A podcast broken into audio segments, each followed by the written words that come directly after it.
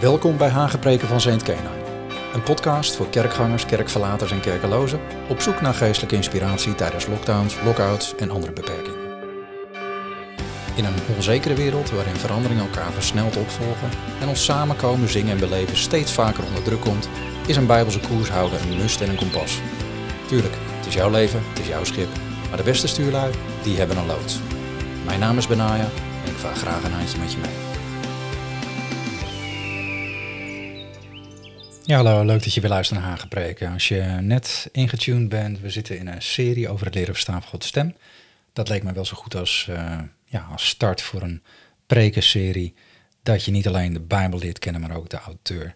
Uh, want dat maakt het hele christelijke leven dynamisch. En voor degene die al langer luistert, ik hoop dat je langzamerhand de smaak te pakken krijgt. Niet zozeer van de podcast, misschien ook wel, maar uh, vooral van het ontdekken van hoe God spreekt. En meer nog, hoe hij betrokken wil zijn in jouw leven. En dat is ook mijn gebed. achter deze podcast zit een gebedsleven, jawel. Uh, niet alleen voor de onderwerpen, maar ook voor jou als luisteraar is het mijn vurige gebed dat je op de een of andere manier enthousiast gaat worden bij het idee dat de schepper van hemel en aarde met jou een gesprek wil. En dat is sowieso al een, een hele ja, mindwave dat je beseft de grote schepper die het universum, zoals de Bijbel zegt, in de spannen van zijn hand houdt. Dus dat is tussen je duim en je pink, dat is een spannen, dat die contact met jou gaat opnemen en dat je daarmee kan praten. En vanuit mijn kant probeer ik dan een stukje met je mee te varen op deze reis, op deze ontdekkingsreis. En delen vanuit het woord en vanuit mijn eigen ervaring wat ik kan, op zo'n manier dat je het makkelijk pakt. En er zit ook een bepaalde opbouw in, misschien heb je het al gemerkt, om dit hier uh, op een natuurlijke manier in te groeien. Vandaar dat we ook begonnen zijn met het afstemmen op God. Want daar hangt veel van af. Want voor je het weet, word je opgeslokt door de waas van je eigen dagritme. En verwachting kan dat doorbreken. Heel veel mensen die willen namelijk wel een gesprek met God, maar verwachten dat gewoon niet. En ze gaan hun, hun ritueel doen elke dag, ochtendritueel, dagritme, beetje vrije tijd s'avonds en dan zijn ze moe en dan gaan ze weer naar bed. En God, als die er al in past, staat niet specifiek op hun agenda. Het is ook niet een fact waar bewust rekening mee wordt gehouden. En dan is het ook geen wonder dat er geen communicatie plaatsvindt, verticaal gesproken dan, en dat er niks gebeurt. Vandaar dat verwachting echt een sleutel is. Vandaag moest ik me ineens bedenken dat het een beetje is zoals een, een hert ontmoeten. We lezen in de Bijbel over David, die, die heeft een psalm geschreven die misschien wel een van de bekendste is geworden, naast de Heer is mijn herder. En zoals een hert verlangt naar water, zo verlangt mijn ziel naar u. Mijn ziel dorst naar God, naar de levende God. Wanneer zal ik binnengaan om Gods aangezicht te verschijnen? Een vraag van David, een verlangen van David. En dat is dat aangezichtmoment, het face-to-face, waar we het in een eerdere aflevering over hebben gehad, waar hij naar verlangt vanuit zijn ziel.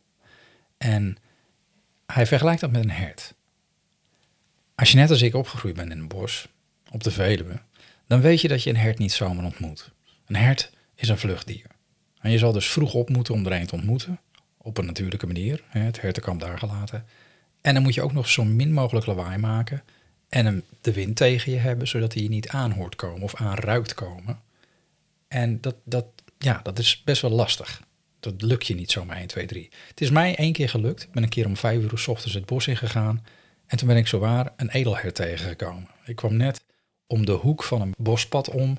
En we stonden in één keer op zo'n 10 meter afstand van elkaar oog in oog. Nou lijkt het niet zoveel, maar als je zo'n enorm beest voor je ziet staan, bijna zo hoog als een paard, dan, uh, dan schrik je echt. Ik stond echt op dat moment stokstijf stil. En dat enorme beest ook. En ik dacht, oeh, als ik me nu ga verroeren, dan, dan, dan vlucht hij, denk ik. Of dan doet hij iets. En ik wou dat moment vasthouden. Maar ja, op een gegeven moment krijg je toch kramp. En ik schrok me helemaal te pletter toen hij, naar aanleiding van mijn bewegen, in één keer een enorme, ja, wat was het? Een soort blaf. Burp, dat en dat echoode door dat bos heen. Mijn hart klopte in de keel. Ik was zo onder de indruk en ik voelde me zo bevoorrecht dat ik zo'n prachtig beest, zeg maar, zo dichtbij mocht zien. In zijn natuurlijke habitat. Dus echt onzagwekkend. Maar het was een heel kort moment. En als ik dan denk aan die psalm en ik denk aan God, dan denk ik ja, eigenlijk is het ook zo'n beetje met God. We zijn geneigd om onze gang te gaan door het bos van het leven, om, om dan op een gegeven moment komen we hem tegen en we vluchten tot die tijd in allerlei taken en activiteiten waar we toch al mee bezig zijn. En God houdt zich een beetje stilletjes op de vlakte en wacht tot de wind van zijn geest ons zijn kant op drijft. zodat we op een gegeven moment oog in oog staan. En hij weet dus hoe hij zich moet positioneren, hoe hij ons moet vinden. Hij wacht wel. Hij verwacht wel. Maar nu wij nog. Nou, daar gaat deze serie over. Goed, dat was even een konijnenpaardje. Even terug naar het onderwerp. Want dit keer gaan we kijken hoe God nog meer spreekt, namelijk door onze gedachten. Want dan doet hij. En dat wil hij. En hoe weten we dat? Hoe weten we dat God überhaupt door onze gedachten wil spreken? Nou, het mooiste voorbeeld vind ik altijd dat van Petrus. Het is een verhaal wat door Matthäus en Marcus is opgetekend, waarin Jezus aan zijn discipelen vraagt: Wie zeggen de mensen dat ik ben? Nou, na wat opmerkingen van, nou, de een zegt Elia, de ander zegt Johannes de Doper, komt in één keer Petrus en die spreekt uit wat hij denkt en zegt: U bent de Christus, de Zoon van de levende God. En dan antwoordt Jezus hem en zegt: Jij bent gezegend, Simon Barjona, want vlees en bloed heeft je dat niet geopenbaard, maar mijn Vader, die in de hemel is. Oftewel, wat Petrus had gezegd, was niet iets wat hij zelf had bedacht, maar wat God de Vader hem had duidelijk gemaakt, geopenbaard. En daaraan kunnen we zien dat het mogelijk is dat God wel degelijk onze gedachtenstroom kan beïnvloeden door openbaring te geven. En helaas zijn we minstens zo vatbaar voor het tegenovergestelde. Want we lezen ook toen Jezus begon te vertellen over het lijden wat hij nog zou moeten meemaken en hoe hij zou worden gedood en weer zou opstaan, dat Petrus hem apart neemt en hem begint te bestraffen notabene. Kun je het voorstellen? Even de Heer Jezus bij de arm nemen en zeggen, moet je nou eens goed luisteren, dat soort dingen mag je helemaal niet zeggen. Je moet me durven. Petrus doet het, maar dan draait Jezus zich om en bestraft Petrus ook meteen. Wel heel mooi, want hij doet het terwijl hij zijn discipelen aankeek, staat er specifiek. Dus niet rechtstreeks face-to-face. En hij zegt dan in Marcus 8, eh, vers 33, ga weg achter mij, Satan. Want u bedenkt niet de dingen die van God zijn, maar die van mensen. En daaraan kun je zien dat zowel God als Satan graag invloed uitoefenen op ons denkproces. Je gedachtenwereld is dus het terrein waar gevochten wordt om de aandacht van meer dan alleen jouw eigen gedachten. meer als jouw eigen interne stem. Je denkt dus nooit alleen. You never walk alone, but you never think alone. waarom is dat nou? Nou, even terugschakelen naar de basis. Want ik kan me voorstellen dat je denkt, ja, maar ik heb toch ook gewoon zo mijn eigen gedachten. Ik bedoel, het is toch niet een voortdurend God en Satan die er tussendoor zitten. Nee, dat klopt. We, we denken zelf, we reflecteren, we fantaseren, we piekeren heel wat af op een dag. En dat doen we door gewoon te raden te gaan bij onszelf. En dat noem je de innerlijke stem. iedereen herkent dat wel. Uh, niet de stem van God, maar gewoon de stem van je eigen gedachten. En dat doen we allemaal. Dat is gewoon een stille mentale verwerking van de dingen die we doen, zeggen en meemaken van dag tot dag. En dat is op zich al heel boeiend. Het is een, een intern gesprek, zou je zeggen, met jezelf. Het is heel wezenlijk, is zelfs zo reëel dat de psychologie er uitgebreid studie van heeft gemaakt. Blijkt er namelijk dat iedereen dit doet. En zelfs dove mensen doen het. Die hebben een soort uh, innerlijke gebarentaal, zijn ze achtergekomen. Dat vind ik nog, uh, nog, nog meer fascinerend. Maar daaraan kun je ook zien dat onze innerlijke stem een duidelijke plek en een functie heeft in ons denken. Het is sowieso heel snel, hè, veel sneller als dat je ooit zou kunnen praten. Gedachten gaan heel snel. Je, je hoeft er geen andere processen zoals je, je lippen en je tong en je longen en zo, hoeft allemaal niet betrokken te zijn. Dus ehm, daardoor kun je heel snel informatie verwerken. En kun je je actieve geheugen doorzoeken van hé, hey, wat had ik gedaan? je kunt teruggaan in je geheugen. Maar je kunt ook je voorstellingsvermogen gebruiken om te puzzelen van hé, hey, als ik dit ga doen, dan ga ik zo reageren. Dat heeft allemaal een functie. Het zijn allemaal gedachten die door je hoofd gaan de hele dag. En los van wat we net hebben gelezen, van de invloed die van buitenaf door God of door Satan kan komen, worden onze gedachten ook nog beïnvloed door hormonen bijvoorbeeld. Ik weet het van mijn vrouw, van zwangerschap. Zwangerschapshormonen doen ook iets, die werken in ook op je gedachtegang. Stresshormonen, cortisol doen hetzelfde. En dan heb je ook nog je eigen emoties, die van invloed zijn op je gedachten. En niet alleen emoties van jezelf, maar ook die van anderen. Daar moet je dan ook weer op anticiperen. En al met al zit je dus in een behoorlijk krachtenveld. Je, in je denken. Je kan je indenken dat het niet zo gek is dat niet alles wat in je opkomt is puur neutraal. Dus onderscheid van je eigen denken is geen luxe. Met name omdat ja, ook onderzoek wijst uit dat heel veel self-talk niet per se pep-talk is. We zijn geneigd tot negativiteit. Dat is denk ik ook wel herkenbaar. Nou hebben we in ons eigen volk ook wel een beetje een kritische blik altijd. En dat valt je in op als je uit het buitenland komt en je bent een tijd weg geweest. Dan hoor je in één keer al die zegswijzen van... hé, hey, je komt niet even binnen, ga je niet even zitten... Uh, hoe gaat het? Nou, niet slecht, mag niet klagen. Er zit heel veel nietjes in ons taalgebruik en heel veel negatieve inslagen. En als je dat vergelijkt bijvoorbeeld met Amerikanen, zijn heel erg van alles is awesome en, en terrific en, en amazing. Dat is weer het andere uiterste. Maar gewoon als mens, of je nou Amerikaan of Nederlander bent, ben je geneigd om te puzzelen, dingen af te wegen. En dat neigt dan ook vaak naar apen en beren zien op de weg. En de Heere God weet dit. Vandaar dat hij ons ook aanspoort om ons te richten op positieve dingen. bekende tekst, Filippenzen 4 vers 8, alles wat waar is, wat waardig is, wat deugd heet, wat lof verdient, en et cetera. Bedenk dat. Hij weet dat we neigen naar ongeloof en negativiteit. Maar waarom noem ik dat nu? Niet om je te overtuigen dat wat we in onze eigen innerlijke stem horen altijd negatief is, want dat is zeker niet zo. Maar wel omdat we de neiging hebben als mens om te twijfelen, om te verzanden in ongeloof. En God, nou ja, God die heeft zo zijn eigen gedachten. Hij zegt in Jesaja 55, mijn gedachten zijn niet uw gedachten.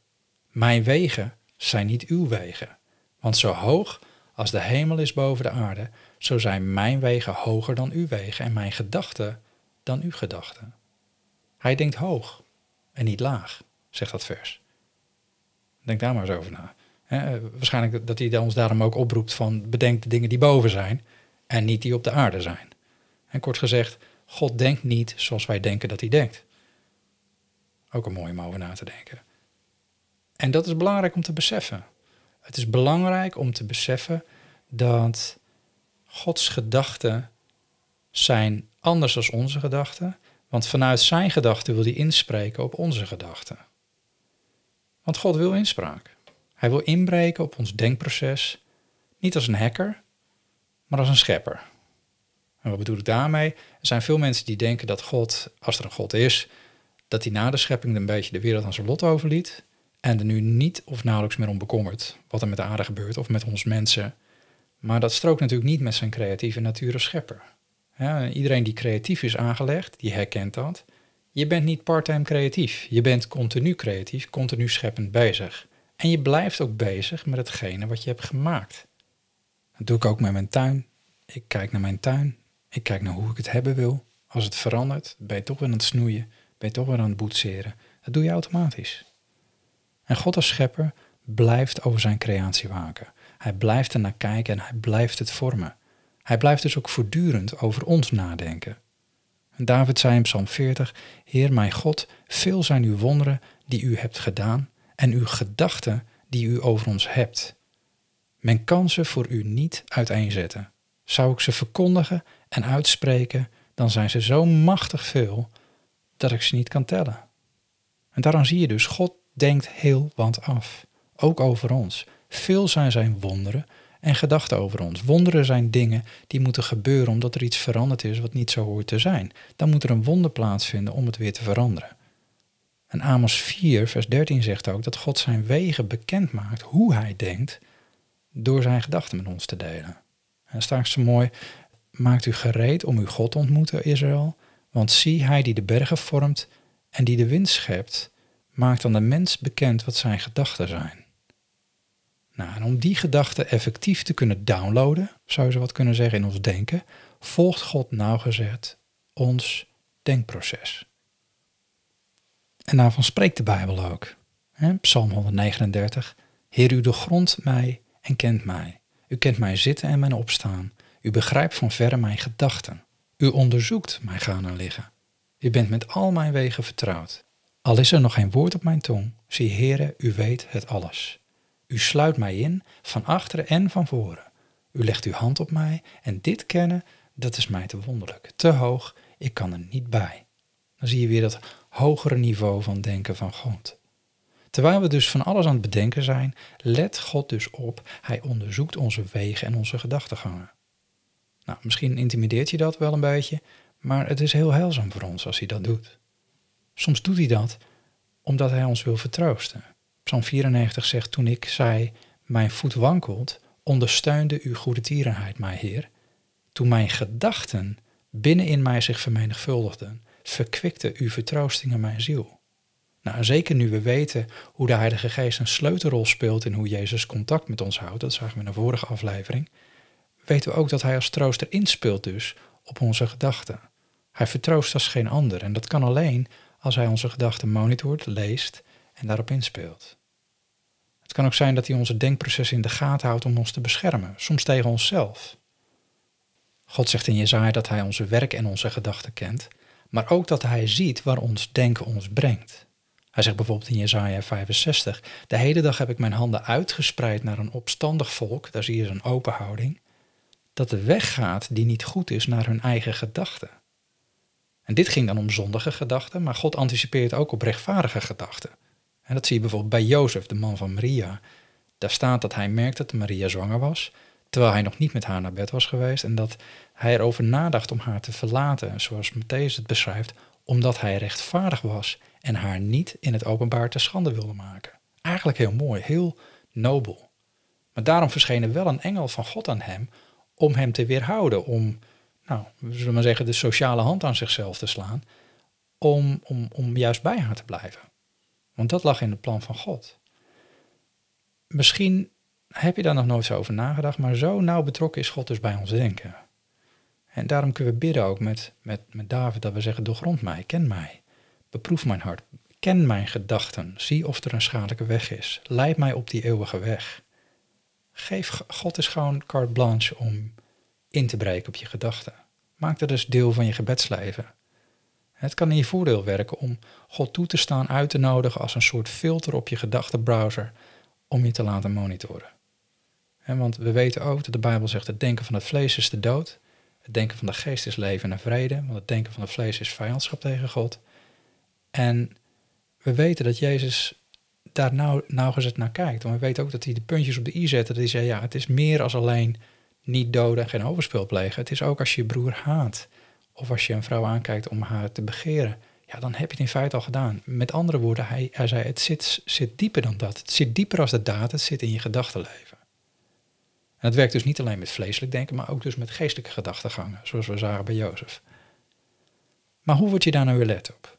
En hoe maak je nu scheiding tussen vleeselijk en geestelijk denken? Nou, allereerst is het denk ik belangrijk dat je realiseert dat, net als met dromen en dat soort dingen, je droomt een hoop, maar niet alles is van God. En dat is ook zo met gedachten. Niet alles is te scheiden in puur vleeselijk of geestelijk, dat zou onzin zijn. Niet elke gedachte die spontaan in je opkomt is ook van God, dat weet iedereen denk ik wel. Zelfs niet elke geestelijke of christelijke gedachte. Maar er zijn wel gedachten die binnenkomen die niet uit jezelf zijn. Het makkelijkste is misschien als je al in gebed bent. Als je in gebed bent, dan is het makkelijk omdat je, je hele hart is al op God gericht, op het contact met God. En dan kun je ook eenvoudige godsgedachten herkennen. En dan kun je zelfs een overleg hebben tussen zijn gedachten en jouw gedachten. Nou, wat bedoel ik daarmee? Een wisselwerking. Dat zie je bijvoorbeeld bij Paulus, die beschrijft in Handelingen 15 dat hij um, ziet er is verwarring in de gemeente. Er waren een aantal mensen binnengekomen die hadden gezegd, jongens, iedereen moet besneden worden. Ja, dat was niet zoals het haar onderwezen. En dat stuurt hij dus bij. En dan maakt hij een opvallende opmerking. Dan zegt hij, want het heeft de Heilige Geest en ons goed gedacht u verder geen last op te leggen dan deze noodzakelijke dingen. En dan doet hij een boekje open van hoe het zou moeten zijn. Nou, ik laat even in het midden hoe dat verder gaat. Maar het is een hele mooie opmerking. Het lijkt de Heilige Geest en ons goed. Het heeft de Heilige Geest en ons goed gedacht. Ze hadden dus dezelfde gedachten, de Heilige Geest en Paulus en Barnabas. daarom zie je dat het ook belangrijk is om je gedachten op één lijn te brengen met de Heilige Geest, om ook dingen in zijn koninkrijk te kunnen doen. Wel, het is belangrijk voor jezelf om na te gaan altijd. Is het in lijn met Gods woord? Is het conform het karakter van God? Dat zijn allemaal van die veiligheidsmarges waar je denk ik niet buiten moet gaan. Het is misschien lastiger als je niet geestelijk bezig bent, niet in gebed. Eh, maar dan nog kan het zijn dat God op jouw eigen gedachtenstroom inbreekt en ineens iets dropt in je denken. meestal is dat te herkennen aan een soort heldere gedachte die in één keer bij je opkomt en die afwijkt van de denktrand waar je al in zat. En soms is het juist ook in lijn met waar je mee aan denken was, dat het ook in één keer een hele heldere gedachte binnenkomt die je niet verwachtte. Een voorbeeldje, eh, wij geven onze kinderen allemaal twee namen. Of moet zeggen gaven, want we zijn wel uh, na vier kinderen wel zoiets van, nou, we, we zijn er. maar we gaven ze allemaal twee namen. En als eerste naam hadden wij voor ons eerste zoontje gekozen Caleb. Wat in het Ugaritisch betekent verknocht of vervlochten. Nou, terwijl ik zat te denken waar hij dan verknocht aan zou zijn, als tweede naam, zag ik een schip voorbij varen. En terwijl ik er naar keek, sprak God ineens heel helder in mijn gedachten: Mijn liefde. En deze gedachte viel samen met de naam van het schip dat ik net oplas. En daar stond op Amadeus. Wat natuurlijk Latijn is voor de liefde van God. Nou, en zo is het dus geworden. Zijn naam is geworden Caleb Amadeus. En dat was een gedachte die in één keer binnenkwam. Heel helder. Het kan ook zijn dat je een hele luide gedachte krijgt. Een hele uh, gedachte met autoriteit binnenkrijgt. Um, nou, laat ik een voorbeeld daarvan geven. Ik zat laatst in de auto met de kinderen. Ik legde mijn bril in het bakje naast de versnellingsbak, uh, versnellingspook. En het was maar een seconde of 1, 2. En ik kreeg ineens een hele heldere uh, gedachte door, heel luid. Kijk uit! En mijn blik schoot omhoog. En ik kon nog net naar links uitwijken, omdat een auto ineens van baan verwisselde. En die had mij waarschijnlijk niet gezien, want ik zat in zijn dode hoek, denk ik. Maar als ik niet had geluisterd, dan, dan had hij in mijn flank gezeten. En dus dat zijn ook gedachten die God in één keer kan droppen. Die zijn bijna uh, bijna hoorbaar, maar die zijn heel luid. Nou, dat zijn natuurlijk maar twee voorbeelden, maar er zijn natuurlijk veel meer, maar dan wordt zo'n aflevering wel heel erg lang. Het belangrijkste is, denk ik, wees open. Wees open voor inspraak, wees open voor correctie in je gedachten, open voor de leiding van de Heilige Geest in je denken. En wees er ook niet krampachtig om of zenuwachtig van oeh, als ik het maar goed heb en wat als het mijn eigen gedachte is. Er staat ook in de Bijbel, in Hem leven wij, bewegen wij en hebben wij ons wezen. Hij weet dat je hart op Hem gericht is. Je kunt hem eigenlijk niet missen. Hij omgeeft ons van achteren en van voren, van boven en van onderen. Hij heeft er meer belang bij, zoals ik eerder zei, dat jij zijn stem verstaat, als dat jij er belang bij hebt. Want hij wil graag dingen doen door je leven. En daarbij, hij is meer dan capabel om je bij te sturen als het dreigt mis te gaan. En dat zien we bijvoorbeeld bij zo'n Jozef. Hij zorgt ervoor dat wat jij doet, hoe jij leeft en hoe jij reageert, zoveel mogelijk tot zijn eer is. En dat is misschien een mooie tekst om mij af te sluiten. Er staat in Efeze 3 zo'n mooi nieuw Bijbelvertaling. Aan hem die door de kracht die in ons werkt bij machten is oneindig veel meer te doen dan wij vragen of denken, aan hem komt de eer toe. In de kerk in Christus Jezus tot in alle generaties, tot in alle eeuwigheid. Amen. Nou, genoeg gedachten en teksten om over na te denken, denk ik. En uh, op uit te stappen vooral. Heb je vragen, heb je aanvullingen? Surf even naar benaaien.nl. Word je doorgeloosd naar een contactformulier. Kun je al je vragen stellen of alle opmerkingen maken. En dan pak ik ze op. Voor nu, blijf koers houden. Blijf luisteren. En volgende aflevering navigeren we verder.